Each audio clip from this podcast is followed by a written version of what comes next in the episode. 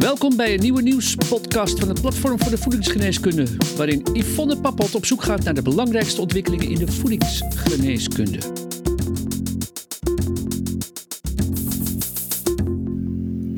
Hallo luisteraars, welkom weer bij de wekelijkse nieuwspodcast van Voedingsgeneeskunde.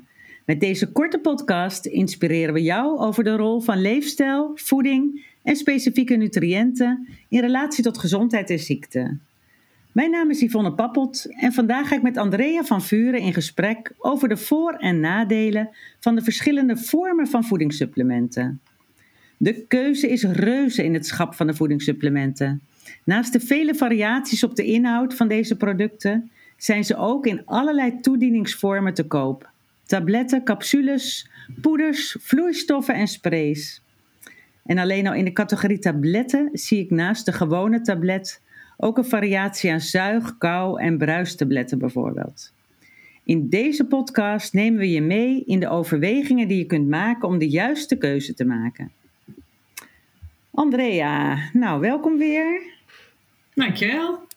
Kun jij ons meenemen in die voor- en nadelen van de verschillende toedieningsvormen? Ja, heb je even. Er zijn heel veel verschillende vormen waarin de uh, vitamine en mineralen te koop zijn.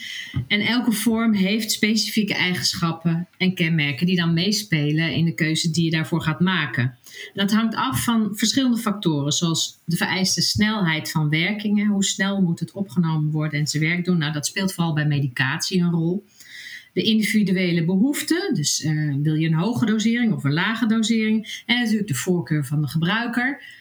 Um, slikt die makkelijk of slikt die niet makkelijk?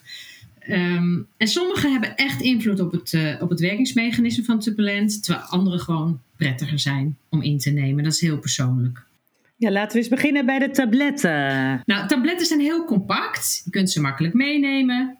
Uh, je hoeft ze niet op een bepaalde manier op te slaan, gekoeld of wat dan ook. Als je ze maar in een keukenkastje hebt, is dat prima.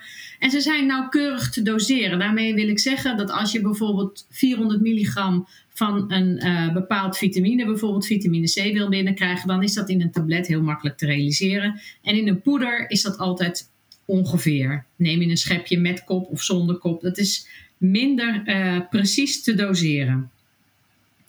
En tabletten kunnen uh, beschermd worden ook, bijvoorbeeld door een speciale coating hè, tegen licht en, uh, en vocht. En, en, daardoor kan stabiliteit en werkzaamheid goed behouden blijven. Dat zijn een aantal voordelen van tabletten bijvoorbeeld. Ja, zijn er ook nadelen? Uiteraard. Elk voordeel heeft zijn nadeel, zou Cruijff zeggen. Nou, sommige mensen hebben moeite met het slikken uh, van tabletten, vooral als ze heel groot zijn. En dat kan dus een uitdaging zijn, vooral voor kinderen en voor ouderen of voor mensen met slikproblemen. Tabletten moeten oplossen in de maag. En uh, de zuurgraad van uh, de maag van mensen kan nog wel eens verschillen. En soms zijn tabletten heel hard geperst. En dan vallen ze minder makkelijk uiteen in de maag. Waardoor uh, de ingrediënten minder makkelijk vrijkomen. En ook minder goed worden opgenomen. En ja, daardoor kan ook de werking trager zijn als het langzamer wordt opgenomen. En een heel belangrijk nadeel, vooral voor mensen die graag natuurlijke producten gebruiken, is dat er veel hulpstoffen nodig zijn, hè, tabletteerstoffen om een tablet te kunnen maken, vulstoffen, eh, bepaalde bindmiddelen of vulmiddelen. En ja, als je daarover gevoelig voor bent, bijvoorbeeld uh, je hebt een intolerantie of een allergie, dan hè, denk aan lactose of gist of dan, uh, dan uh, beperkt dat je gebruik van, van tabletten. Of je moet in ieder geval wel heel goed naar de ingrediënten kijken. Ja, en als we dan naar de capsules kijken, wat, uh, wat zijn daar dan zo de voor- en nadelen van? Je hebt harde en zachte capsules. De harde capsules, dat zijn die uitschuifbare, uh, waar dan een, een vulling in zit. En die zijn over het algemeen glad en dan net weer wat makkelijker te slikken. Waardoor ze voor de meeste mensen heel goed geaccepteerd uh, zijn of geaccepteerd worden. En ook deze kun je natuurlijk heel makkelijk voordoseren. Dus een, een precieze hoeveelheid erin stoppen, waardoor je de juiste dosering binnenkrijgt. Ja, en daar zitten poeders in, korrels of microkorrels. En soms, er zijn zelfs, um, dat heet licaps, uh, harde capsules met een vloeistof erin. En uh, nou, ook die kunnen worden ontworpen met een speciale coating, hè, waardoor ze bijvoorbeeld specifiek pas in de darm open gaan. Dat is bijvoorbeeld nuttig bij probiotica die slecht tegen maagzuur kunnen. En er zijn veel minder hulpstoffen nodig voor, voor harde capsules. Want je stopt soms alleen wat om het beter te laten stromen, de ingrediënten. Want die capsules moeten natuurlijk op ingenieuze wijze gevuld worden.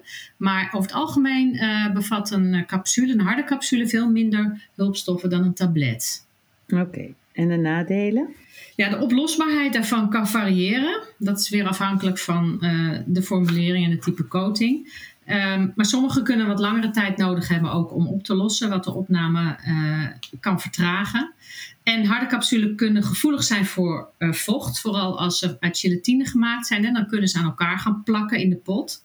Wat zijn er verder nog voor nadelen? Ja, ze worden gemaakt van gelatine, wat uh, vegetariërs niet altijd willen. Tegenwoordig heb je ook vega-caps. Maar daarvan is weer het nadeel dat uh, de inhoud niet uh, net zo stabiel is als in de gelatinecapsule. Soms gaat er wat meer zuurstof doorheen. Maar daar is wel ontwikkeling in. Hè? Dat ze steeds beter van kwaliteit worden, die vega-caps. Um, en die worden dan gemaakt van plantaardig materiaal. Dus dat. Ja. En, en de zachte capsules, kun je daar kort ook nog iets over zeggen? Ja, de zogenaamde softgels, die worden dan uh, vaak gebruikt voor uh, visolie, bijvoorbeeld teunensnoerolie, om, om olie te, te capsuleren. En over het algemeen zijn die ook glad, makkelijk te slikken. En um, ja, de gelatinecapsules die zorgen dan ook vooral, uh, en, en, en toevoeging natuurlijk vaak van antioxidanten, dat die olie goed bewaard blijft en niet rans wordt. Ja. Oké. En ook daar is het nadeel natuurlijk weer dat uh, uh, ze meestal voorkomen in, uh, in gelatinevorm, die voor vegetariërs dan minder geschikt is. Ja. Nou, tabletten, capsules hebben we het over gehad, maar er zijn ook nog specifieke tabletten. Hè? We noemden het al even, bijvoorbeeld de kou-tabletten. ja, kun je daar nog iets over de Koutabletten die, die worden vaak gekozen door kinderen natuurlijk, want dan lijkt het ook wat meer op een snoepje. Uh, uh, en voor ouderen die uh, lastig kunnen slikken, maar dat is dan tegelijkertijd ook weer het nadeel. Want daar worden dan smaakstofjes aan toegevoegd. Die zijn niet altijd even natuurlijk. En vooral de zoetstoffen. En daar is momenteel veel over te doen. wat is, veel mensen willen dan geen suiker gebruiken. Denken, nou, dan neem ik een zoetstof. Um, ik wil erop wijzen dat um, ja, de meest natuurlijke vorm is toch dan een dextrose of een, of een saccharose, een gewone suiker. En de hoeveelheid die je daarmee binnenkrijgt is eigenlijk te verwaarlozen. Want het gaat om enkele honderden milligrammen die dan gebruikt worden om het smakelijk te maken. Nou, dat is evenveel als de dextrose in een boterham zit, want daar zit ook dextrose in, wat veel mensen niet weten, of maltodextrine. Um, en als je het tijdens de maaltijd neemt, heeft dat geen enkel effect op de bloedsuikerspiegel. Ook niet op, op de tanden, want die zuurstoot is er toch al als er een maaltijd gegeten wordt. Dus ik, ik zou pleiten gewoon om een, uh, een koud tablet gewoon te nemen met wat dextrose of maltodextrine of gewoon suiker. Want uh, ja, de zoetstoffen, daar is momenteel veel over doen. Net in het NRC afgelopen weekend een heel artikel over uh, zoetstoffen. Want uh, het is bijvoorbeeld aspartaam, heeft wel een E-nummer, maar is veel minder intensief op veiligheid gecheckt als bijvoorbeeld bepaalde medicatie. En ja, het schijnt toch dat het lichaam een beetje in de war gebracht wordt door zoetstoffen die wel zoet smaken en geen calorieën leveren. En het blijkt ook effecten te hebben op de darmmicrobiota. Dus er zijn veel onzekerheden over uh, wat zo'n zoetstof nu eigenlijk met je lichaam en met je gezondheid doet. Dus we moeten weer goed uh, het etiket uh, lezen, hè? de in ingrediëntendeclaraties van groot belang. Ja, precies. Ja. precies. En, ja. en er zijn ook van die, van die gummies hè, voor kinderen en je hebt ook bruistabletten. Mag ik jou vragen daar ook kort nog even iets over toe te lichten? Ja, dat is eigenlijk weer vergelijkbaar met wat ik heb gezegd over die, uh, over die. Vaak worden ze met smaakstoffen en kleurstoffen uh, en zoetstoffen uh, aantrekkelijk gemaakt voor kinderen. En wat daar ook weer het nadeel van is, is dat het op snoepjes gaat lijken. En dat kinderen de neiging hebben om er dan lekker veel van te gaan eten. Dus vooral voorzichtig ook zijn en uh, ze op een plek zetten waar kinderen er niet bij kunnen, zodat ze niet, uh, het niet als snoepjes gaan zien en zo'n heel potje leeg eten, want dat kan natuurlijk wel uh, gevolgen hebben. En bruistabletten moet je vooral ook oppassen, omdat er vaak citroenzuur bij zit voor de tanden. En als je dat elke dag, dag in dag uit doet, dat kan dat ten koste gaan van de tandglazuur. En opletten dat daar soms veel natrium in zit. Dat kan ook gaan aantikken. Oké, duidelijk. Uh, en de keuze van een bepaalde vorm hangt natuurlijk samen met de doelgroep, hè, de situatie en de behoeften. Daar hebben we al het een en ander over gehoord. Kun je een paar voorbeelden noemen? Ja, als je kijkt naar, naar de doelgroepen, dan heb je bijvoorbeeld kinderen. Nou, dan zou je kunnen kiezen voor koudtabletten of gummies of vloeibaar. Hè? Vooral bij babytjes, dan zie je vaak AD-druppeltjes. En dat is bij babytjes dan weer heel makkelijk. Mensen met allergie en intolerantie zou ik aanraden, kies voor poeders. Want daar zitten natuurlijk geen hulpstoffen bij, dat is heel puur. Of harde capsules met, uh, met vulling. Ehm, als je hoge doseringen moet nemen, ja, poeders, dan kan je lekker scheppen. Hè? Dat is vooral bijvoorbeeld, denk aan vitamine C-poeders, wordt veel gebruikt. En je bent niet beperkt met een bepaalde grootte van een capsule waar maar een maximale hoeveelheid in kan. Ook ouderen, die slikken al vaak heel veel pillen, dus die kiezen dan ook vaak liever voor poeders, wat je door het eten kan doen, of vloeistof. Vegetariërs en veganisten, ja, die kiezen voor vegacaps natuurlijk. Um, als de inhoud ook zonder dierlijke bestanddelen is. Hè? Want anders heeft het natuurlijk weinig zin om uh, visolie in een, uh, in een vega-gel te doen. Uh, en bepaalde ingrediënten lenen zich voor specifieke toedieningsvormen, zoals vitamine B12. Als je dat niet goed opneemt doordat je intrinsieke factor mist in de maag, ja, dan kies je voor injecties of voor hele hoge doseringen.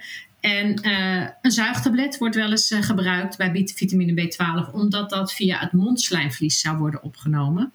En uh, daar twijfel ik soms wel eens aan, want het, het heeft met de deeltjesgrootte van de nutriënten te maken. Of het daadwerkelijk door het mondslijmvlies gaat worden opgenomen.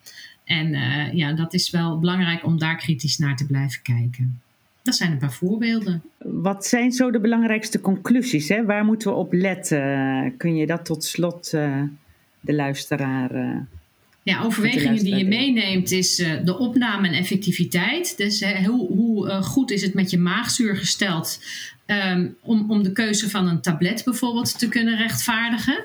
Dus um, de opname en de effectiviteit. Hè. Wil je dat iets pas in de darm open gaat, ja, dan kies je bijvoorbeeld voor een tablet of een capsule met een bepaalde coating. Het gemak van inname, nou daar hebben we het uitgebreid over gehad. En de verschillende doelgroepen die erbij horen.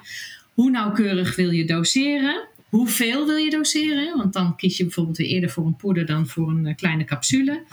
En je kunt verder rekening houden met andere overwegingen, zoals allergieën, dieetbeperkingen, uh, allerlei overwegingen uh, die allergische reacties kunnen veroorzaken. Bijvoorbeeld ingrediënten heb ik het dan over.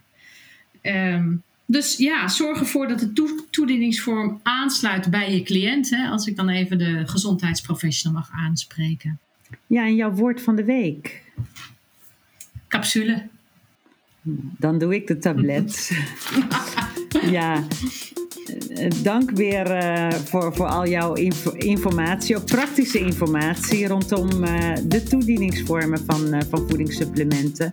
Het is een onderwerp dat regelmatig ook terugkomt in nieuwsberichten van, van voedingsgeneeskunde. Ik wil ook de luisteraar weer bedanken voor de aandacht en volgende week is er weer een nieuwe nieuwspodcast. Graag tot dan. Via vakblad, website, podcasts en een jaarlijks congres biedt voedingsgeneeskunde al meer dan 20 jaar professionele en wetenschappelijk onderbouwde kennis. Gratis voor niets, het laatste nieuws in je inbox. Schrijf je dan in voor de wekelijkse nieuwsbrief op www.voedingsgeneeskunde.nl. Redactie en productie Yvonne Papot. Techniek Sjoerd Kaandorp. Voedingsgeneeskunde is een project van uitgeverij Media Medica.